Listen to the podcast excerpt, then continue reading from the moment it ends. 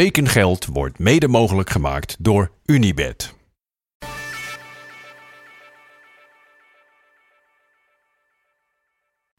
Welkom bij aflevering B. Het waren geen hoordersmensen, maar wel belangrijke mensen die een bericht stuurden met enig enthousiasme over de tekengeld tijdmachine. Dus we pakken de draad weer op over wat er allemaal gebeurde in de Italiaanse zomer van 2001.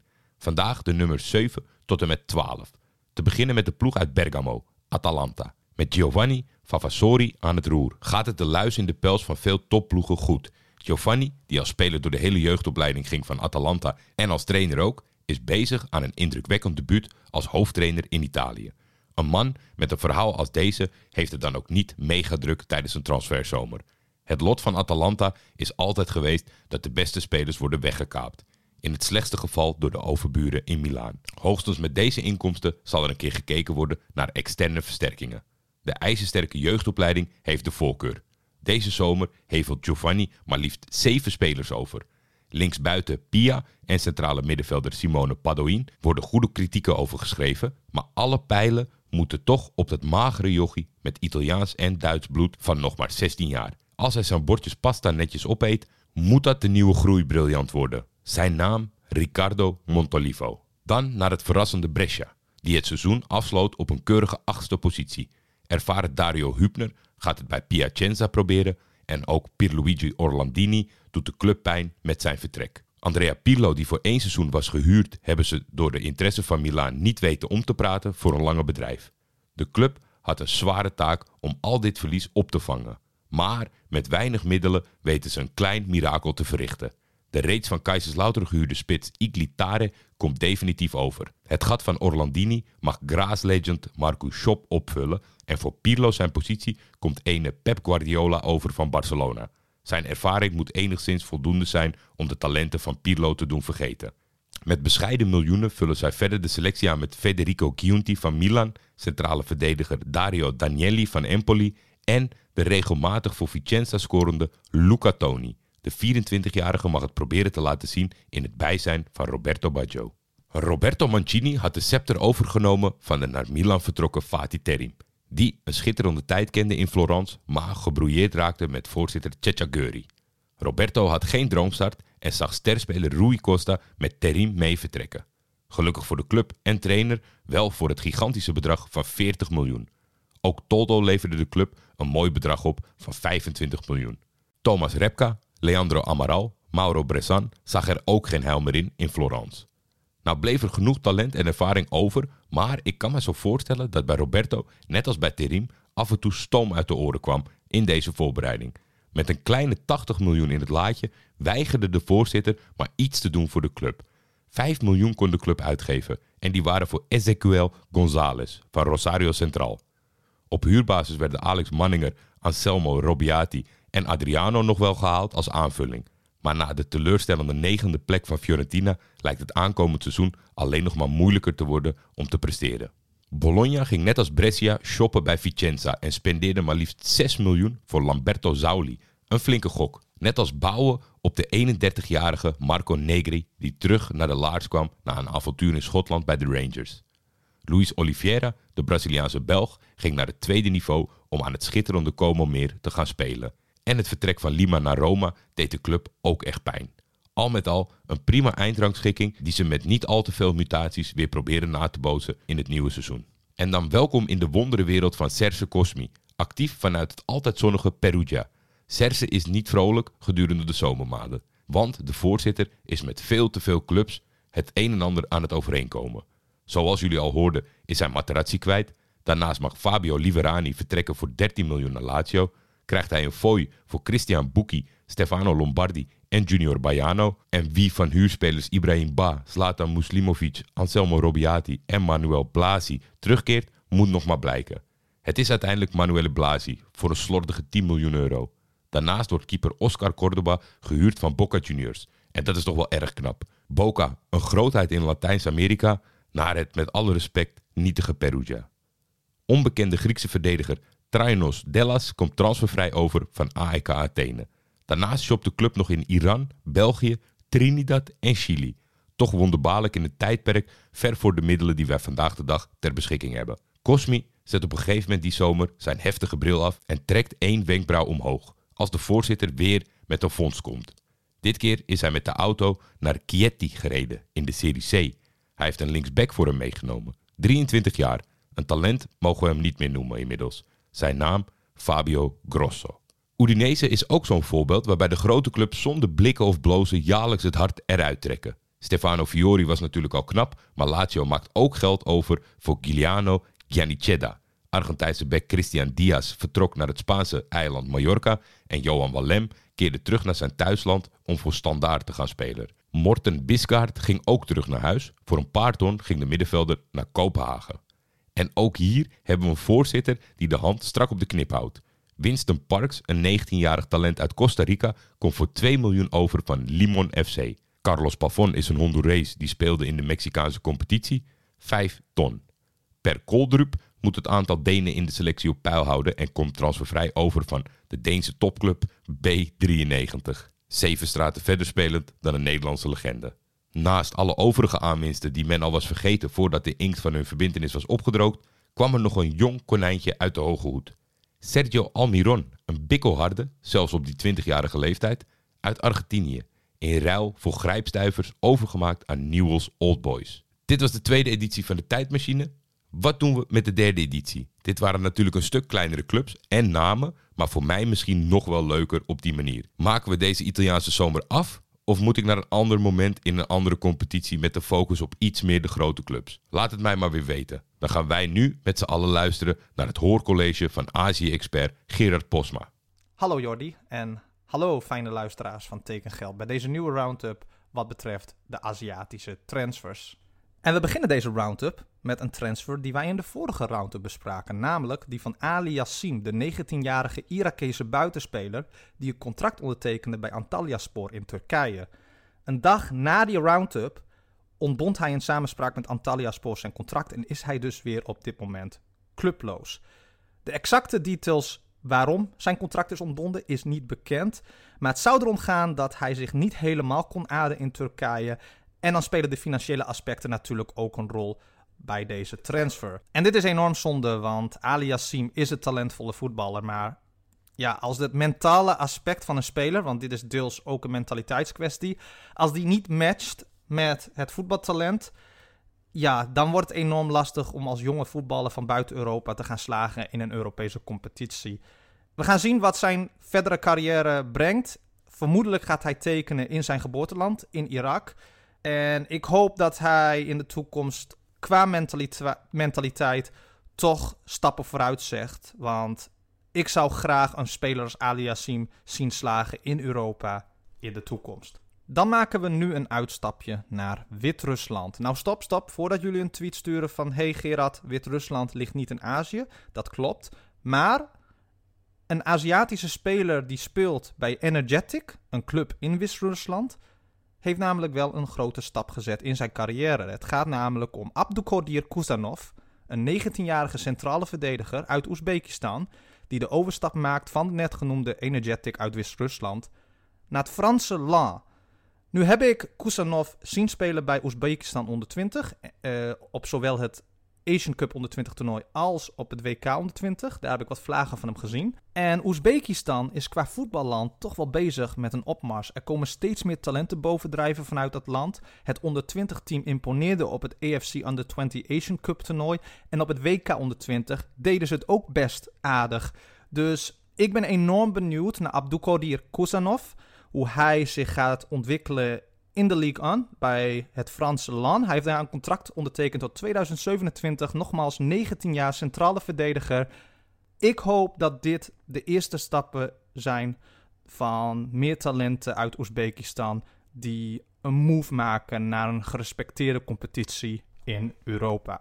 En dan door naar Australië, waar de 22-jarige Calum Nieuwenhof een contract heeft geondertekend bij het Schotse Heart of Midlothian. Hij komt over van het Australische Western Sydney, een uh, defensieve middenvelder, en hij tekent daar een contract tot 2027. Nu zullen jullie waarschijnlijk denken: hey, Calum Nieuwenhof, dat klinkt wel als een Nederlandse naam. Hij heeft naast de Australische nationaliteit ook de Nederlandse nationaliteit. Ik kon niet vinden wat zijn Nederlandse roots zijn. Of hij misschien een Nederlandse opa of oma heeft. Of zijn vader of moeder misschien van Nederlandse komaf is. Maar feit is dat hij dus ook een Nederlandse nationaliteit heeft. En daarom is hij dus ook interessant voor een club als Heart of Midlothian. Wat betreft de salaris. Ik heb wat beelden van hem opgezocht en wat van hem gezien. Hij komt over als een enorm forse kerel die zijn mannetje goed staat op het middenveld. Dus ik denk dat het Schotse voetbal hem prima zal liggen. En ik ga met wat interesse deze speler volgen. Want ja, een speler met Nederlandse roots, dan ga je toch wat extra letten op zo'n speler hoe hij gaat presteren. En dan Riku Dansaki, de 23-jarige aanvallende middenvelder uit Japan. Hij tekent een contract bij het Australische Western United. Hij was transfervrij nadat zijn contract was ontbonden bij het Schotse Motherwell. En bij Western United tekent hij een contract tot 2025. Dit is niet de eerste keer dat hij in Australië gaat voetballen, want hij heeft verspreid over twee periodes ook gevoetbald bij het Australische Brisbane Roar. En in zijn eerste periode, wat was in 2020 was hij echt een geweldige voetballer om naar te kijken. Werd daar ook topscorer, dacht ik, met 9 doelpunten. Het is een zeer technisch begaafde voetballer. Maar na zijn successeizoen daarbij Brisbane Roar, wat hij op huurbasis deed, want hij kwam oorspronkelijk over van Consadole Sapporo, heeft hij het niet, is hij niet echt verder geslagen. Dat was het enige seizoen waar je toch dat talent in hem zag. Maar daarna is het er nooit echt uitgekomen. En hopelijk voor hem gebeurt dat wel dit seizoen bij Western United. Want ik vind het nog steeds een zeer technisch vaardige speler. En ik heb nog steeds een zwak voor hem. Dus hopelijk gaat Dansaki nu wel weer slagen. Zoals hij vroeger ook deed bij Brisbane Roar. Dan door naar Zuid-Korea, waar twee Zuid-Koreaanse spelers een contract hebben ondertekend bij het Schotse Celtic. Dan heb ik het over Yakyu Kwon, een 22-jarige middenvelder die overkomt van het Zuid-Koreaanse Busan Park. En Yunjin Yang, een 21-jarige buitenspeler. Hij komt over van Kangwon FC en beide spelers tekenen een contract tot 2028 bij Celtic. En over Yang kan ik heel veel vertellen, want ik heb hem nu al een tijd lang gevolgd. En het is een zeer zeer speciaal talent uit Zuid-Korea. Als je van voetbal houdt, dan zal ik me alvast maar gaan voorbereiden. Want dit is zo'n verfijnde speler met balcontroller, balbehandeling, techniek, snelheid. Hij wilde zelf ook heel graag naar Europa. Er was wat gedoe met hem en zijn oude club Kangwon. Want Kangwon wilde hem eerst niet laten gaan. Hij heeft uiteindelijk nu wel de move naar Europa gemaakt, naar Celtic. En ik denk dat dit wel zo'n speler kan zijn die gelijk zijn kansen gaat aangrijpen bij Celtic. En die we vermoedelijk komend seizoen al vaak in actie zullen gaan zien. Ik verwacht heel veel van deze jongen. Ik ben enorm fan van zijn spel. En we zullen zien wat de toekomst gaat brengen. Ik zou hem opzoeken op YouTube om wat beelden van hem te bekijken. Want je gaat er echt van genieten. En dan eindigen we natuurlijk met Japan. En ik had het dus net over Yang en dat we enorm van hem zullen gaan genieten. Van een speler waar ik enorm van heb genoten in de Japanse competitie is de dribbelkoning hemzelf, Takuro Kaneko. Hij maakt de overstap van Hokkaido Consadole Sapporo naar het Kroatische Dynamo Zagreb. Een 25-jarige flankspeler die vaak als wingback speelde in Japan. Hij wordt gehuurd van Consadole Sapporo met optie tot koop. En ik noem hem de dribbelkoning omdat hij in alle statistieken wat betreft met dribbles, wat betreft met rushes over de flanken, altijd bovenaan stapt. Hij verdient de titel dribbelkoning uit Japan wel degelijk. En ik vond het ten eerste een rare transfer of huur met optie tot koop. Want ja, Kroatië, wat moet je ervan vinden? Maar Dynamo Zagreb is wel een enorme mooie club om je eerste stappen te zetten vanuit Azië. Spelen ook altijd wel Europees voetbal. Dus het is ook gelijk een mooi podium voor Takuro Kaneko om zichzelf te laten zien in Europa. En ik denk dat dit ook absoluut gaat gebeuren. Want ik ben enorm fan van deze speler. Ik heb al wel eerder over hem geschreven. Ik wist wel dat hij de overstap naar Europa zou gaan maken. Want deze speler is zo ondergewaardeerd in eigen land zo ondergewaardeerd bij de Japanse bondscoach. Want dat deze speler nog geen oproep heeft gekregen om voor het Japans nationaal team te spelen, vind ik werkelijk schandalig. Ik ga enorm met veel passie kijken hoe hij zich verder gaat ontwikkelen naar Dynamo Zagreb. Ik ga zoveel mogelijk potjes van Dynamo Zagreb proberen nu te volgen. Mede omdat Kaneko daar nu voetbalt. Ik kan niet wachten totdat de dribbelkoning ook zijn kroon kan oppakken in Europa. En wie weet wat hij verder gaat bereiken. Want ik ben een groot fan van deze speler. Dan Yuel Chima Fujita, de 21-jarige middenvelder van de Japanse kampioen Yokohama F. Marinos. Hij maakt de overstap naar het Belgische Sint-Truiden. Dan gaan we over naar Urawa Red Diamonds, die twee spelers halen. Ten eerste Shoya Nakajima, een 28-jarige aanvallende middenvelder die hiervoor bij het Turkse Antalyaspor speelde. Daarna heeft hij meerdere uitstapjes gehad in Europa, waaronder in Portugal. Nooit echt helemaal geslaagd in Europa. Hij keert dus nu terug in Japan, tekent daar een contract tot 2025. De andere aankoop van Urawa Red Diamonds is een speler die ik zelf ook in het verleden heeft gevolgd. Toen hij nog bij het Thaise Chiang Rai United speelde. We hebben het namelijk over de 23-jarige Thaise voetballer Ekanet Panya. Hij komt over van Muangthong United, huur met optie tot koop. Een speler die ik dus gevolgd heb bij Chiang Rai speler die mogelijk zou kunnen verrassen bij Urawa Red Diamond. Ze zaten al een tijdje achter hem aan. Nu ze dus officieel huurt met optie tot koop. Erkanit Panya. Dan gaan we naar Cerezo Osaka. Die zagen hun aanvaller Mutsuki Kato, een 25-jarige aanvaller dus, vertrekken naar het Sanfrecce Hiroshima. Daar tekende hij een contract tot 2025. Als vervanger halen zij Rio Watanabe, een 26-jarige aanvaller die overkomt van Fujieda My FC, die spelen in de J2 League. En hij scoorde daar in 26 wedstrijden 13 goals. En ik ben enorm enthousiast over deze transfer. Ik wist ongeveer wel dat Watanabe de overstap van J2 naar J1 zou maken, omdat hij zichzelf zo in de picture heeft gespeeld. Ik ben benieuwd of hij bij Ceres Osaka zich verder kan doorontwikkelen. Want soms is de stap van J2 naar J1 toch best wel een grote voor bepaalde spelers in Japan. Een andere speler die naar Ceres Osaka vertrekt is de 21-jarige flankspeler Masaya Shibayama. Die komt over van de J2-club Omiya Ardia.